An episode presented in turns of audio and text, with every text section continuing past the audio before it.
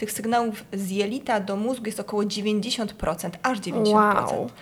A Czyli zostaje tylko jelit- dyszka. Tak, tylko dyszka zostaje z mózgu do jelit. Wszystko właściwie zaczyna się od tej flory bakteryjnej.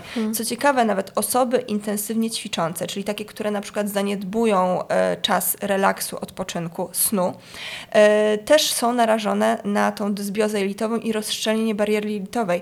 I tam właściwie najczęściej jest to obserwowane i tam wydaje mi się, że też najwcześniej to zaobserwowano, że te osoby mają problemy z wypróżnieniami, ze wzdęciami, z odpornością, bo tam też mamy masę komórek tych immunokompetentnych, więc jeżeli flora bakteryjna leży, mówiąc prosto, no to my doświadczamy problemów takich zdrowotnych w różnych obszarach naszego zdrowia. Nasze zdrowie nie domaga. Coś się dzieje, szukamy przyczyny, wyniki badań laboratoryjnych Są okej. są ok, mieszczą się w tych normach e, laboratoryjnych i lekarz troszeczkę patrzy na nas jak na dziwaków. Co my szukamy, o co nam chodzi, wszystko jest książkowo. E, A jeżeli tak się dzieje, a my dalej czujemy się źle i dalej jakieś problemy zdrowotne się, się pojawiają, to warto wtedy zastanowić się, czy faktycznie my się dobrze zaopiekowaliśmy naszą florą bakteryjną. Musimy też zadbać tak holistycznie o siebie. Jeżeli my zaniedbamy wszystko inne i dalej na przykład nasz sposób odżywiania będzie daleki od takiego właściwego, ale uzbroimy się w najlepsze suplementy i czekamy na efekty, to nie przyniesie to efektów. E, I, I wtedy będziemy być może negatywnie wypowiadać się w ogóle o suplementacji, że ona jest nieskuteczna. Musimy zawsze podejść strategicznie, szczególnie jeżeli e, ta suplementacja ma dotyczyć przewodu pokarmowego, bo jeżeli my będziemy źle karmić te bakterie, źle komponując posiłek na talerzu, to nawet najlepszy preparat nam nie pomoże.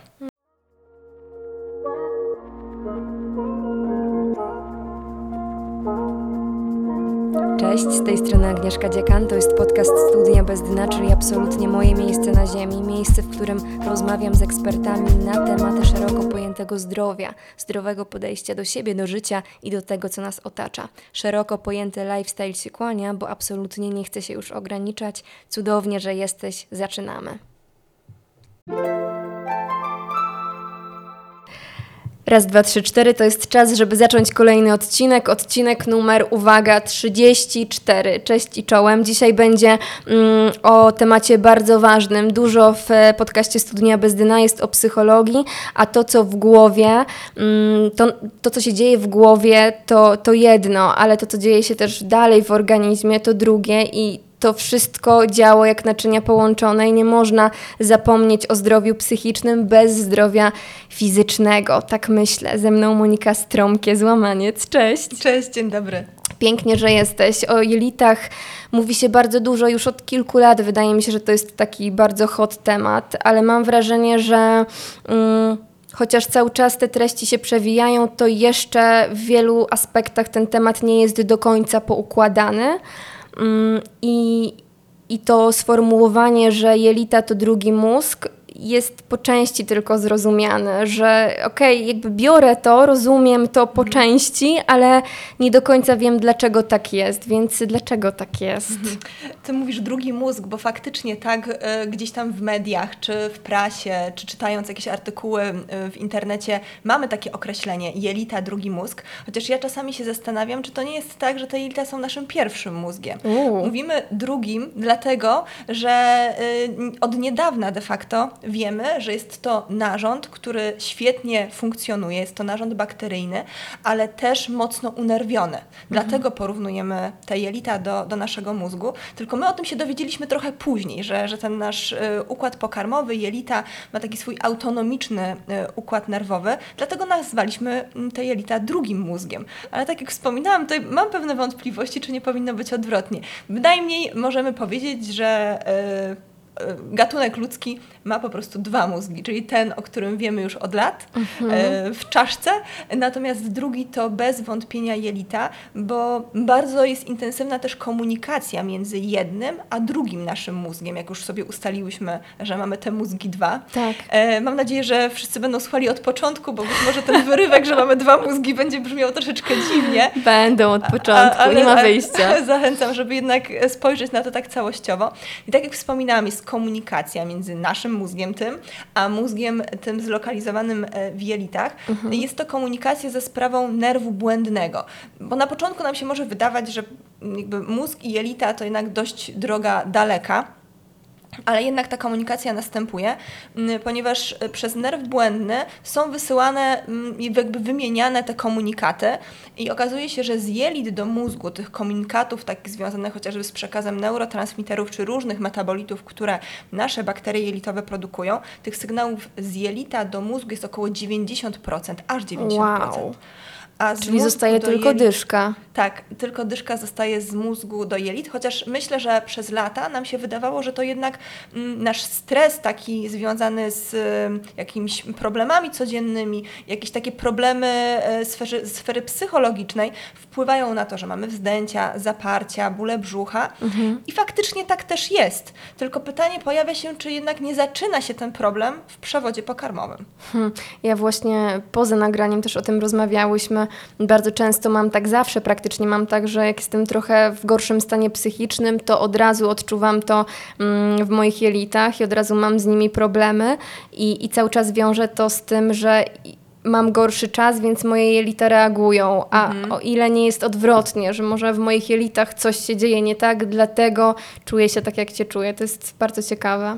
Tak, nasze bakterie jelitowe produkują masę e, neurotransmiterów, masę takich związków, składników, które są potrzebne i samym bakteriom, ale też mm, odpowiadają za uszczelnienie naszej bariery jelitowej. I tutaj ym, mamy bardzo dużo do zrobienia. W kontekście tych neurotransmiterów, chociażby bakterie jelitowe produkują serotoninę.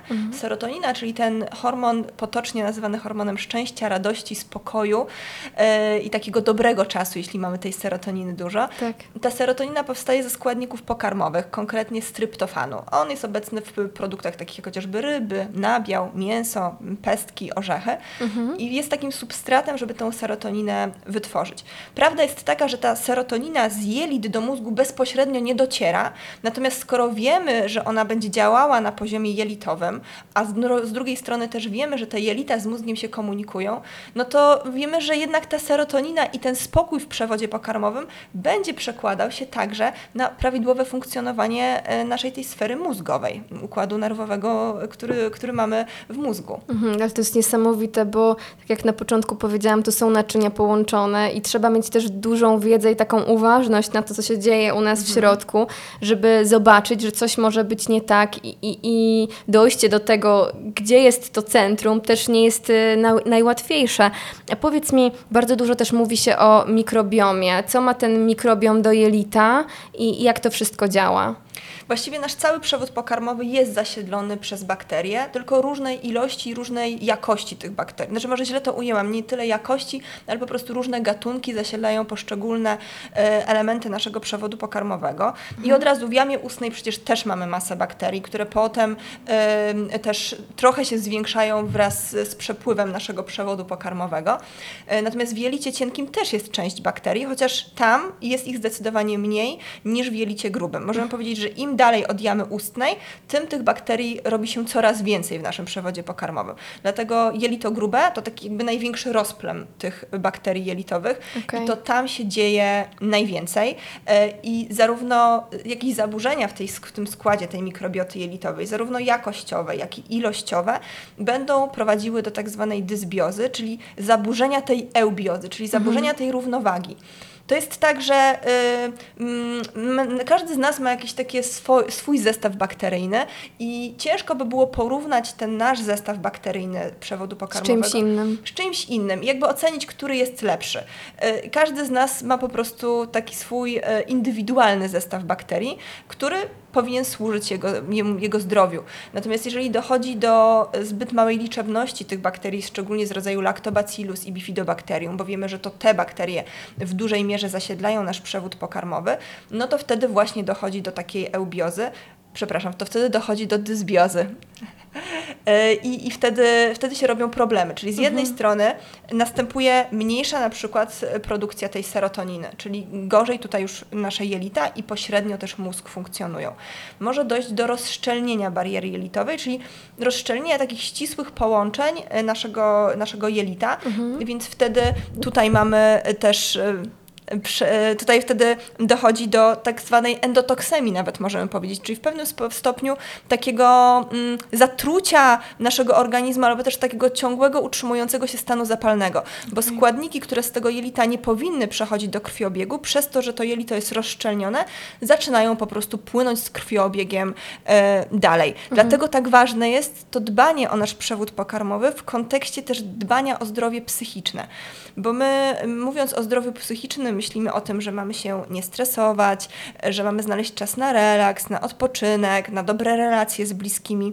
Oczywiście to też jest ważne, bez Tak. wątpienia, ale ten przewód pokarmowy y, często nie jest wymieniany w momencie, wymi- wy- kiedy, kiedy myślimy o tym właśnie zdrowiu naszym psychicznym. Mhm. A wróćmy do początku. Powiedz mi, jak to wygląda mm, w kontekście tego, że my się różnimy, nasz mikrobiom się różni, kiedy my nabywamy tych bakterii i jak one się tworzą, do, do którego momentu mamy na nie wpływ i czy cały czas mamy na nie wpływ, a może jednak nie? Dziecko rodzi się y, nie z wyjałowionym przewodem pokarmowym. To jest pierwsza rzecz, E, bo do niedawna myśleliśmy, że tak jest, że dziecko żyjąc po- podczas tego życia e, łonowego, po prostu jego przewód pokarmowy właściwie jest czysty od bakterii. Lata temu okazało się, że tak nie jest i ta pierwsza kubka dziecka, czyli smułka, już e, pewien zestaw bakterii zawiera. E, I potem wraz z przyjściem na świat, w zależności od tego, czy dziecko przyszło na świat drogami natury, czy było potem karmione piersią, e, od tego też zależy, jaki zestaw bakterii ma. Lepszy, gorszy, to znaczy bardziej chodzi tutaj też o tą różnorodność e, i jakie to bakterie były. Bo wyobraźmy sobie sytuację, mm, kiedy dziecko przychodzi na świat cesarskim cięciem. No właśnie. Więc wtedy pierwsze bakterie ze- środowiska zewnętrznego, z którymi się styka, no to są te bakterie szpitalne. E, Jeżeli przychodzi znowu e, drogą naturalną na świat, no to są to pierwsze bakterie te z dróg rodnych matki. I to one są pierwszymi takimi pionierskimi bakteriami, które zasiedlają jego przewód pokarmowy. Słuchaj, ja słyszałam, że przy cesarskim cięciu lekarze podobno nasączają jakieś waciki właśnie płynami matki i, i tam wtedy na, na tym noworodku je rozprowadzają. Tak, dokładnie tak jest. Znaczy nie wiem, czy w Ciekawe. każdym szpitalu tak jest. e, Dobrze ale... by było. Ale ci, co mają tą świadomość, to myślę, że to robią.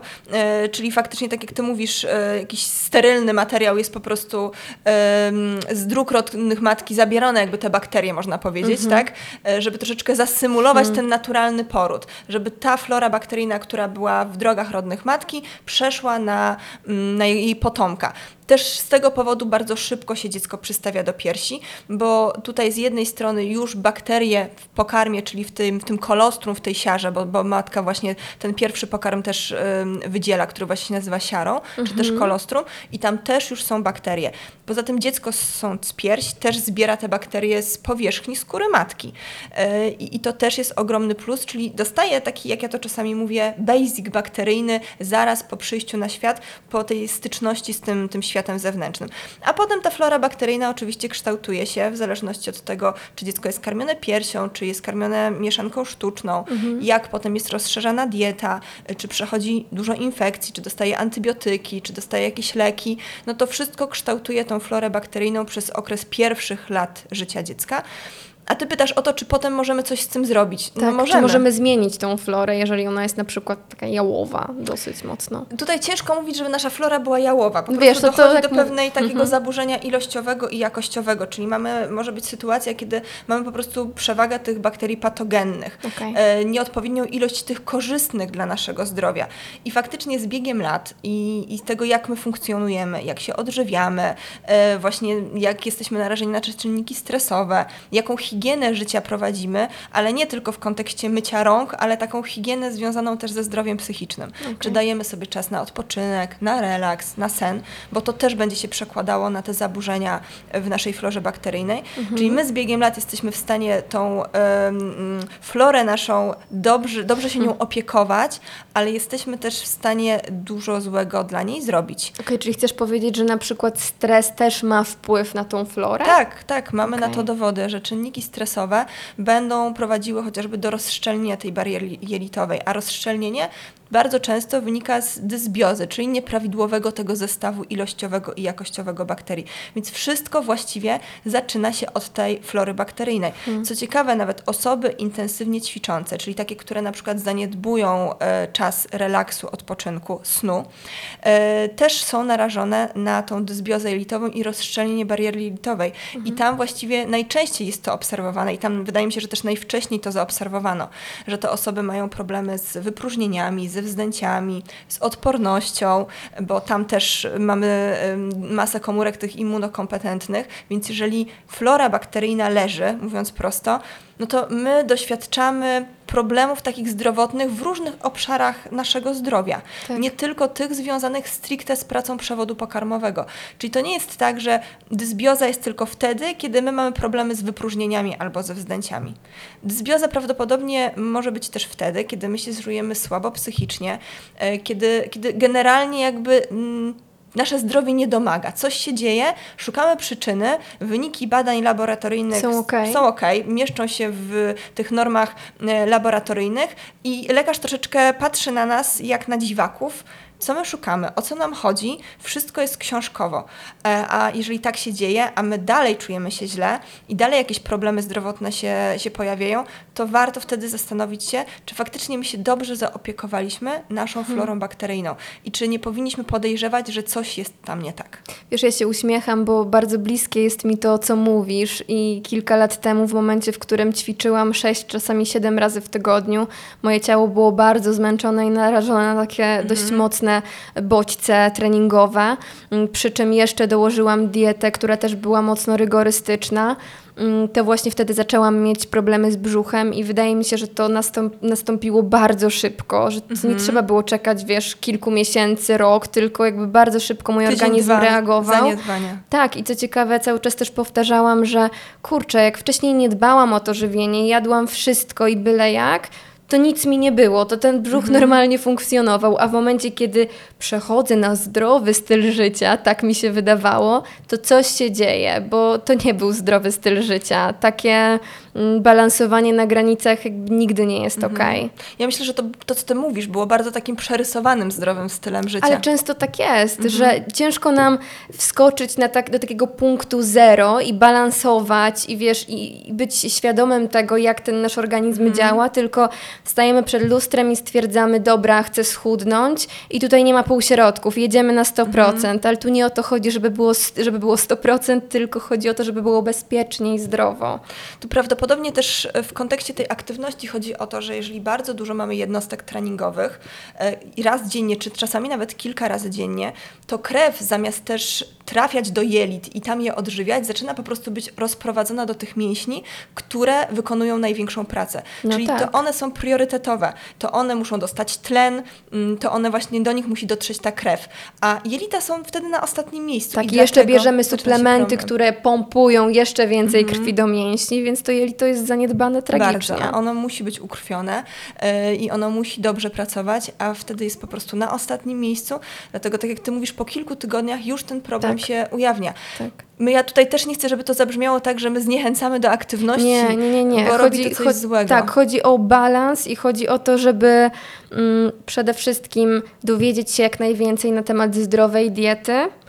Jeżeli mamy mieć ułożoną dietę, to ja proponuję ze swojego doświadczenia, żeby jednak to była dieta ułożona przez dietetyka I sport jest bardzo potrzebny, jest niesamowicie potrzebny do ogólnego zdrowia i zdrowe jedzenie też, ale bardzo często mylimy zdrowy styl życia z, z takim no niezdrowym. Po takim prostu. niezdrowym, bo my zaczynamy po prostu przerysowywać te, te zdrowe zachowania. Tak. Czyli nagle jesteśmy bardzo ortodoksyjni, jeśli chodzi o jedzenie, jesteśmy bardzo tacy mm, ułożeni i bardzo pilnujemy tej aktywności, czasami jej nadużywamy, aż e, myślimy sobie, że sen nam jest niepotrzebny i odpoczynek, bo w tym czasie moglibyśmy zrobić coś innego. Tak, no wstanę wcześniej, pójdę na trening, no mhm. bo potrzebuję, tylko co jest ważniejsze w pewnym momencie. To znaczy, tak jak brak aktywności i kiepska dieta, taka przetworzona jest takim czynnikiem prozapalnym, źle działającym też na florę bakteryjną, tak na drugiej szali wagi te sytuacje przerysowane, czyli bardzo ortodoksyjne dbanie o dietę i bardzo dużo jednostek treningowych,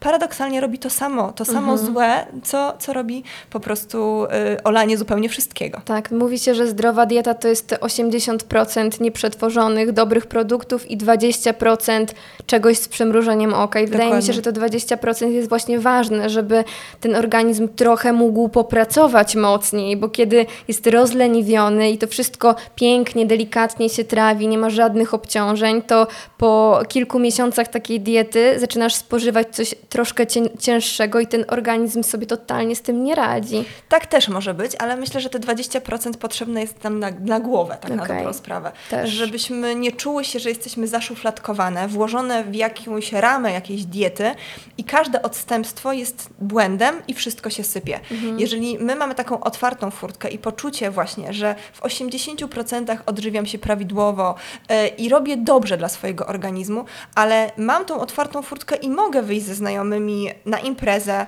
na obiad, na sushi, na pizzę, to to powoduje, że nasze zdrowie psychiczne też jakby działa zupełnie inaczej, bo nam ten kontakt z innymi też jest potrzebny. Tak. A nie ukrywajmy, że bardzo często ten kontakt wiąże się ze spożywaniem też posiłków yy, i, i jakby różnej, różnej jakości posiłków. Więc otwórzmy sobie tą furtkę, że możemy to robić czasami. No dobrze, w takim razie jak zadbać o te jelita, jak sprawić, żeby one funkcjonowały dobrze, jak mieć, e, jak mieć się na baczności, kiedy... Dobra, kolejne pytanie później. jak o nie zadbać? To dbanie o jelit zawsze odnosi się do kontekstu dbania o florę bakteryjną, czyli mhm. musimy się najpierw zastanowić, czego te nasze bakterie jelitowe chcą. Już wiemy, czego nie chcą, co im szkodzi, bo o tym też trochę rozmawiałyśmy, ale pierwsza rzecz, czym one się żywią? One się żywią w dużej mierze błonnikiem. To dlatego w wielu zaleceniach, rekomendacjach żywieniowych jest mowa o spożyciu błonnika, nie takiego kupionego w aptece, ale takiego z warzywami, owocami, nasionami roślin strączkowych czy pełnoziarnistymi mhm. produktami zbożowymi, bo z jednej strony nam ten błonnik daje sytość, więc powoduje, że my możemy dostarczyć mniej kilokalorii wraz z dużym posiłkiem i to jest ten profit dla nas. Tak. Natomiast ten błonnik, którego my de facto nie trafimy, on trafia do przewodu pokarmowego, trafia do jelita grubego i tam bakterie sobie z nim działają. To właśnie ten błonnik jest dla nich tym materiałem energetycznym, które one sobie fermentują i dzięki temu one się namnażają. To dlatego ten błonnik jest tak ważny. Mhm. My go raczej traktowaliśmy, myślę, przez długi czas jako taki produkt, który będzie zapobiegał zaparciom. I tak, owszem, jeżeli też, mam zaparcie, idę do apteki, kupuję błonnik. Albo zwiększam go w diecie, tak, bo mam go mało.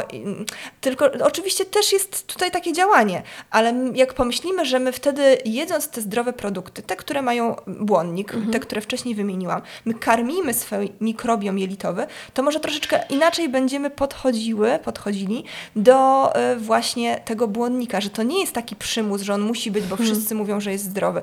On stricte przekłada się potem na zestaw tych bakterii, które w przewodzie pokarmowym mamy. Mhm, czyli znowu ta świadomość tego, mhm. jak to wszystko działa i intencja, dlaczego chcemy, żeby on dobrze działał. Tak. Kolejny składnik taki ważny dla naszego mikrobiomu to są te wszystkie antyoksydanty, to są flawonoidy, to, są, to jest beta-karoten, te wszystkie składniki, które są w dużej mierze obecne w warzywach, owocach.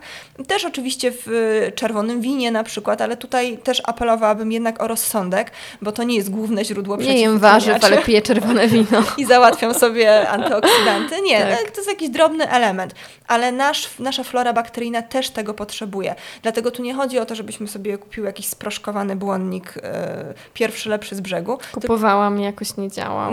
No to, to też jest jakby druga strona medalu, ale żebyśmy go szukały w tych, szukali w tych produktach takich naturalnych. I, i właśnie żebyśmy mieli z tyłu głowy, że to po to właśnie jakby w celu dbania właśnie o tą mikrobiotę mhm. E, jelitową. Nie tylko dlatego, że każą dietetycy i inni specjaliści go spożywać że jest to modne. Tak. Okej, okay, czyli zdrowa dieta dla jelita to jest e, dieta pełna owoców, warzyw, pełna zbilansowanych posiłków, dobrych tłuszczy, po prostu. Tak, kwasy omega-3, czyli w ogóle cała gama tłuszczów roślinnych, czyli te jedno i wielonienasycone kwasy tłuszczowe, które znajdziemy w olejach roślinnych, oleju rzepakowym, oliwie z oliwek, awokado, ale w całej masie też orzechów, mhm. pestek, to jest nam potrzebne. Kolejna rzecz to tłuste ryby, czyli te kwasy omega-3, dokładnie EPA i DHA dobrze działają na układ nerwowy, ale nasz przewód pokarmowy też ich potrzebuje. Okay. To, jest, to są te elementy zdrowego naszego um, posiłku, takiego codziennego, mhm. ale wracam do tego, że jest ta furtka otwarta na czasami coś niezdrowego, bo jeżeli to się zdarza w jakichś sporadycznych sytuacjach, albo nawet raz w tygodniu jakiś tam drobny element mniej zdrowy, to nie działa to tak destrukcyjnie na naszą florę bakteryjną, no bo to jest jakiś powiedzmy jeden zastrzyk czegoś mniej y, jakościowego, ale jednak kora, baza jest ta właściwa. Tak po to zbieramy te zasoby, żeby móc z nich później korzystać, żeby ten organizm po prostu tak. mógł sobie pomóc wtedy, kiedy potrzebuje trochę mocniej. Mhm, dokładnie tak. Mhm. No dobrze, a powiedz mi, co ty sądzisz o probiotykoterapii, która też była bardzo mocna? Swoją drogą ja też przechodziłam przez e, zakup różnych produktów, raz one mi służyły, raz nie, ale faktycznie no tak zaczęliśmy traktować je jako kolejną witaminę C. Mhm. Probiotyki są nam potrzebne, ale ważne jest to, żeby mieć świadomość, że one działają szczepozależnie.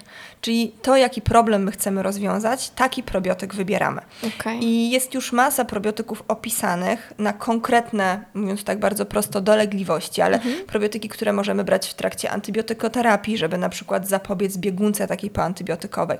Co powinniśmy brać po antybiotykoterapii, żeby tą florę bakteryjną w pewien sposób odbudować. Kolejna rzecz to psychobiotyki, czyli konkretne, żywe kultury bakterii, które są przebadane. I Właśnie wiemy... ja nie słyszałam o psychobiotykach. Nie słyszałaś jest... o psychobiotykach. Nie. Są też takie na rynku polskim, mhm. e, więc warto sobie poszperać, które właśnie mają udowodnione działanie na e, nasz układ nerwowy, na nasze funkcjonowanie takie mhm. od strony e, psychicznej.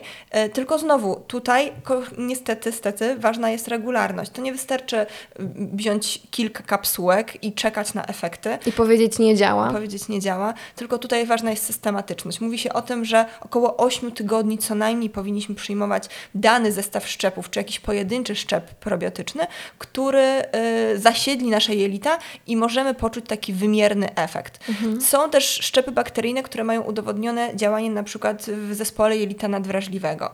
Takie, które na przykład poprawiają wchłanianie żelaza.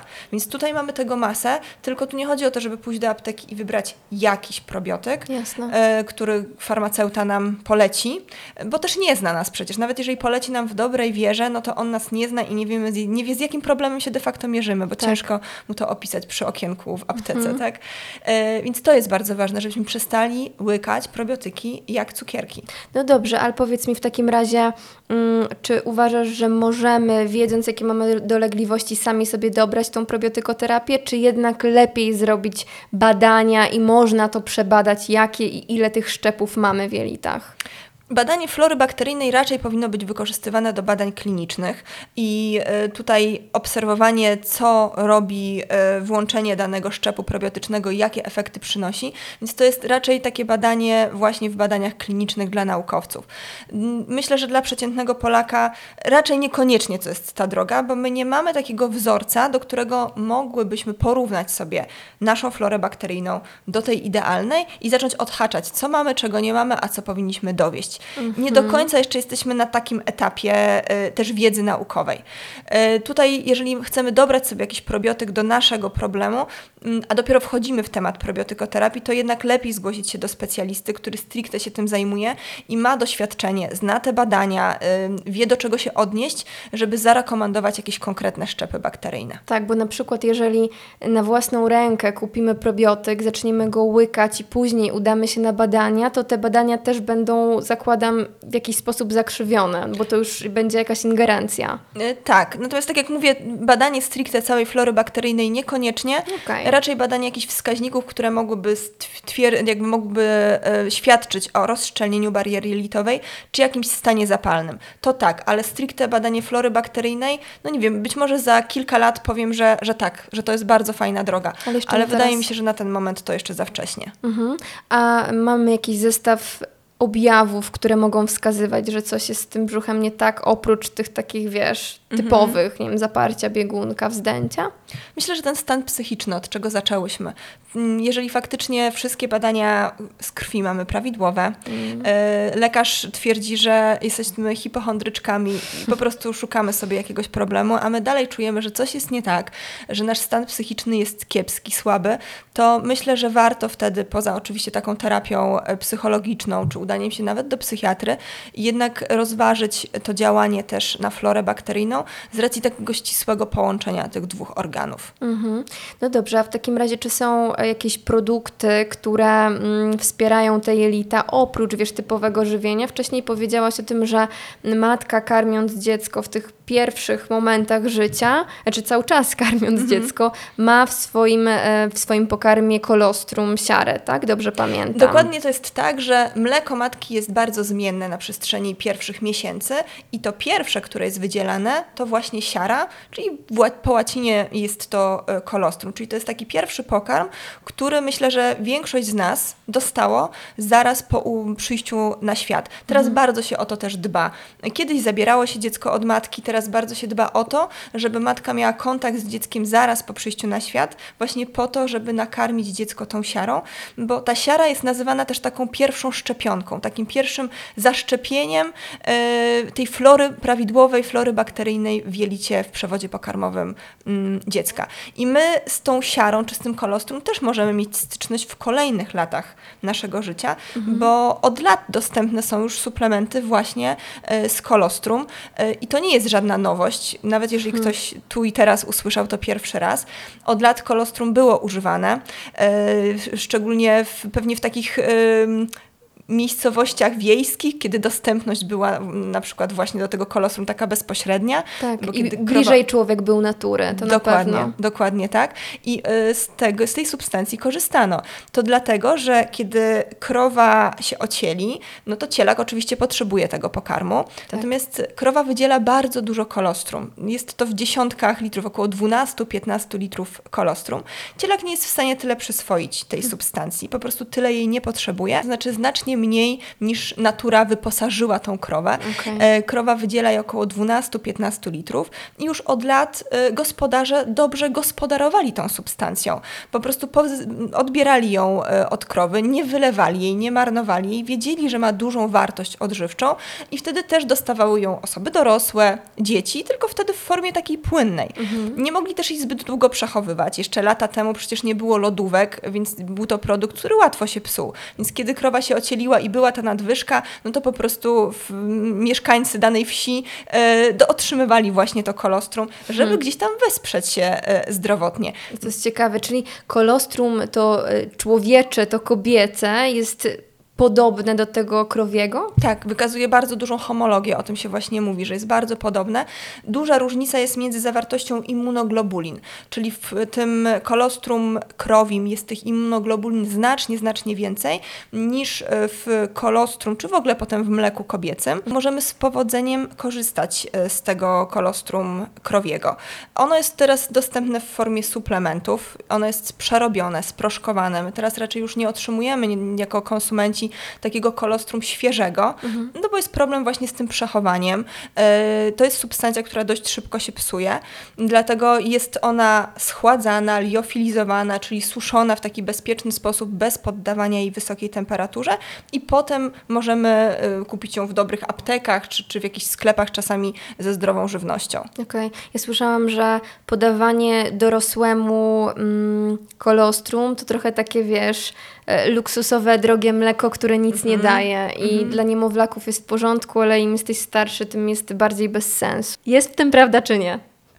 Nie do końca tak jest. Ja wiem, że takie mity gdzieś tam krążą, że skoro natura stworzyła kolostrum e, na tym pierwszym etapie tak. laktacji, czyli dedykowany jest noworodkowi, no to w jakim prawem my dorośli mielibyśmy z niego korzystać e, i jak miałoby się to przełożyć na nasze zdrowie. Może wyjdę od tego, że kolostrum ma masę składników bioaktywnych, które dobrze działają na nasz przewód pokarmowy, na naszą florę jelitową. Rozmawialiśmy o probiotykach. Mhm. Kolostrum nie konkuruje z probiotykami, okay. bo kolostrum jest swego rodzaju prebiotykiem, czyli wspiera namnażanie i prawidłową florę bakteryjną. To dlatego my jako dorośli możemy z niego korzystać. Czyli ono będzie dbało o tą homeostazę jelitową.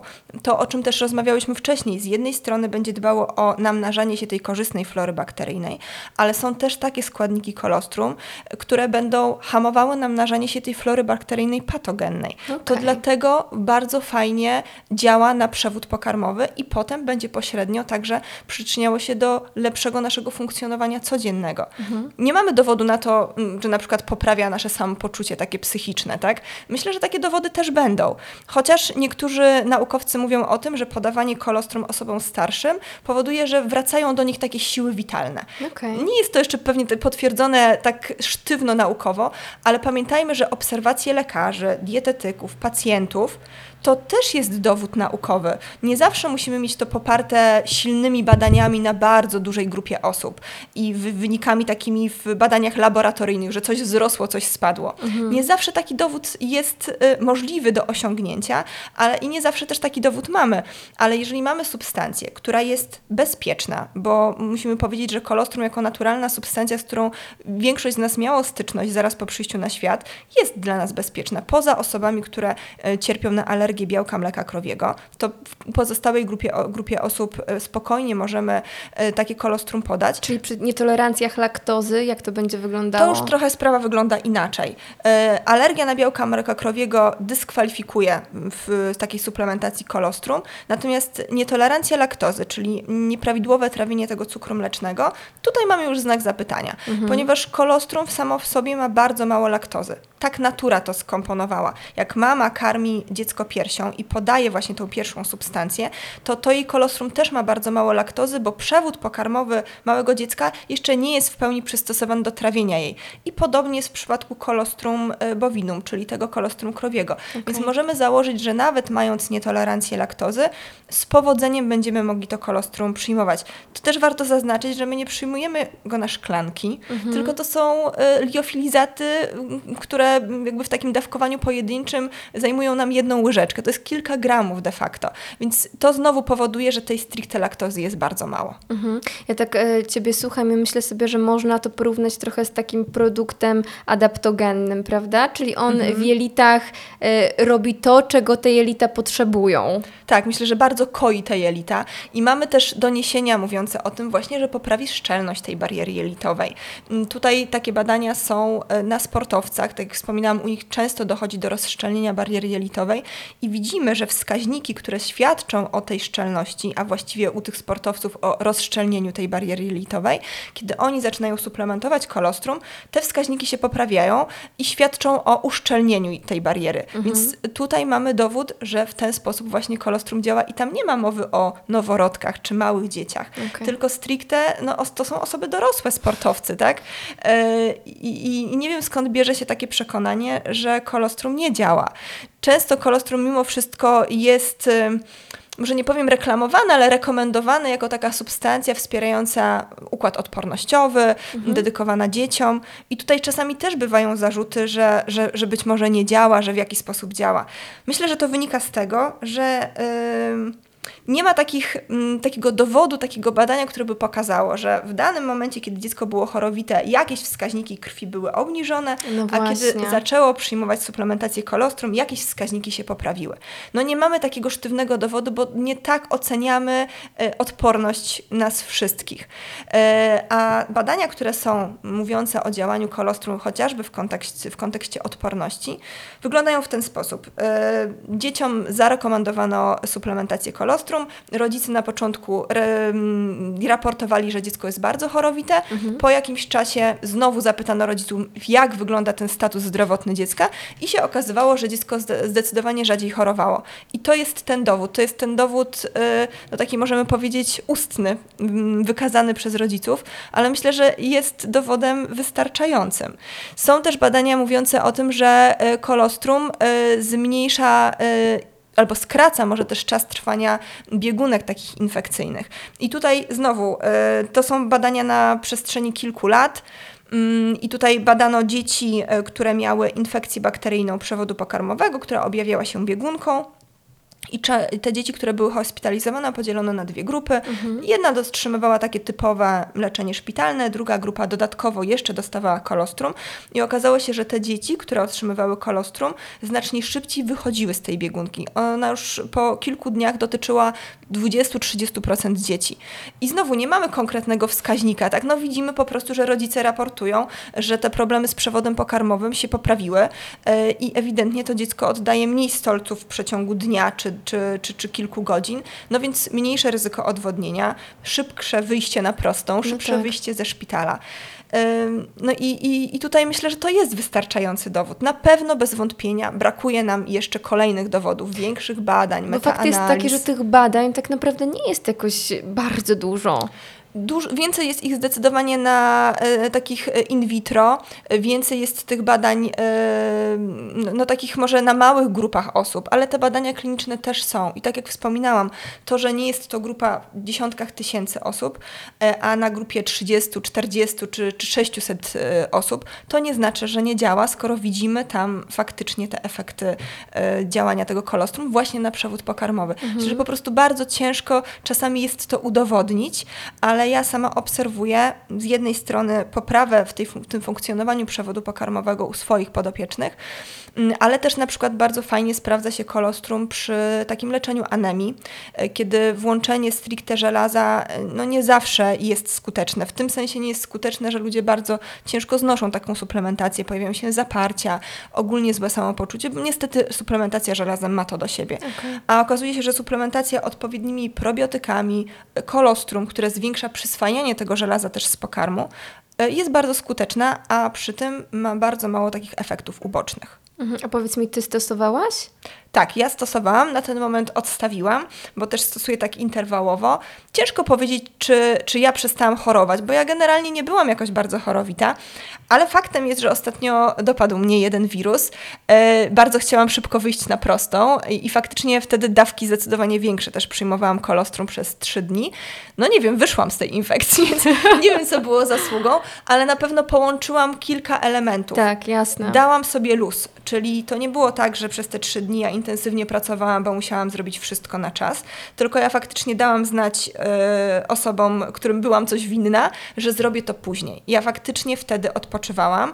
To faktycznie były trzy dni, kiedy ja e, olałam dużo rzeczy, właśnie po to, żeby szybko z tego wyjść. E, dużo płynów, faktycznie też wtedy kolostrum, e, jakieś leki przeciwzapalne do tego też doszły i odpoczynek. Tak, I faktycznie jest, po trzech to, dniach było z głowy. Tak, bo to wszystko jest niesamowicie ważne. To nie jest kwestia tego, że wiesz, wypijesz szklankę kolostrum i mimo wszystko będę chodziła do pracy i jakoś mi przejdzie, tylko ten każdy jeden czyn, czynnik jest niesamowicie ważny. Tak, tak, więc my też nie traktujmy suplementacji kolostrum yy, i nie oczekujmy tak od razu efektu za tydzień, dwa mm, czy za miesiąc, bo to po prostu potrzeba na to czasu. My musimy też zadbać tak holistycznie o siebie. Mhm. Jeżeli my zaniedbamy wszystko inne i dalej na przykład nasz sposób odżywiania będzie daleki od takiego właściwego, ale uzbroimy się w najlepsze suplementy i czekamy na efekty, to nie przyniesie to efektów. Mhm. E, I, I wtedy będziemy być może negatywnie wypowiadać się w ogóle o suplementacji, że ona jest nieskuteczna.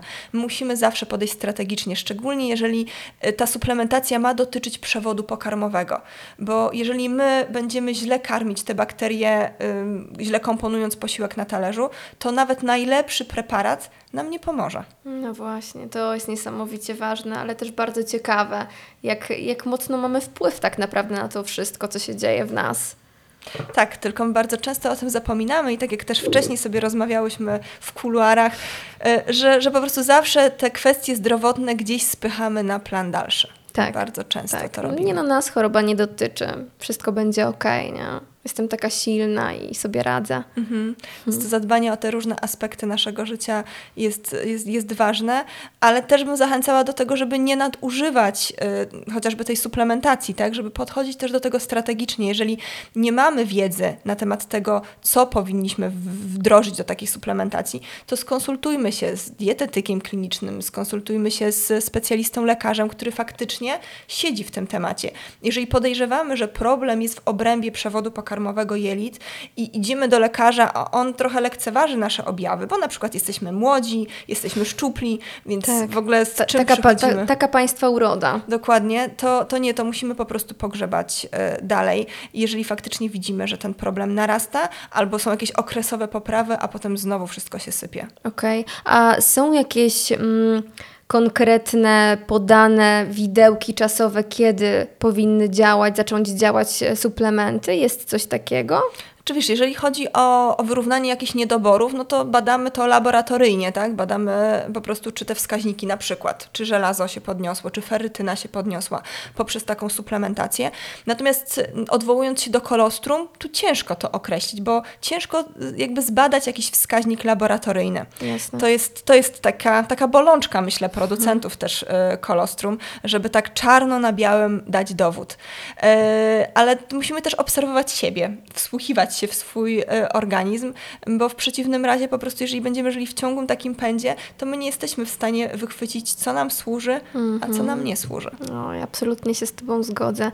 E, Monika, dziękuję Ci bardzo za rozmowę. Myślę, że to jest taka, takie fajne kompendium wiedzy do tego, żeby troszeczkę e, zacząć ogarniać to, co dzieje się w środku i nie spychać swojego zdrowia na później, bo ono tak czy siak zapuka do, my, do naszych drzwi, tylko ważne, żeby chociaż nie, nie waliło w te drzwi, nie? tylko delikatnie zapukało i żebyśmy ten puk usłyszeli.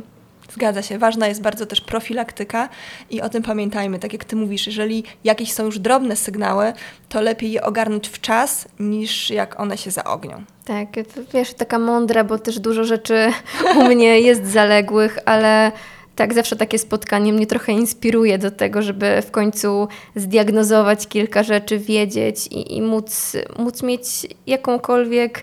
Mm, Pewnie taki punkt zaczepienia, bo my czasami po prostu potrzebujemy trafić na kogoś, kto nas pokieruje dalej. Tak. Bo kiedy zaczynamy przeglądać czeluścia internetu. ojej, ja tam tyle chorób sobie wynalazłam, że szkoda więc gadać. Właśnie, więc jeżeli faktycznie problem czujemy, że dotyczy przewodu pokarmowego, to znajdźmy osobę, która stricte się tym e, zajmuje, a, a nie po prostu tak od jednego do drugiego specjalisty, który, który nas gdzieś tam olewa, lekceważy nasze problemy. No, no to jest niestety długa droga. My żyjemy w czasach e, takich, kiedy my byśmy chciały wszystko na już.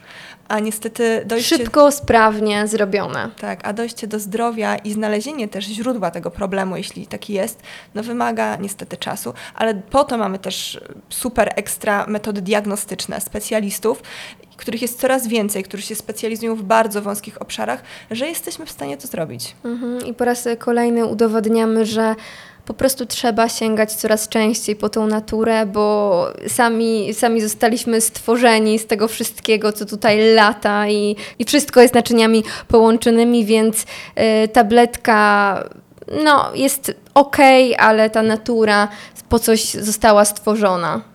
Zgadzam się z Tobą i dziękuję Ci pięknie za inspirującą rozmowę. Dziękuję Ci bardzo, buziaki.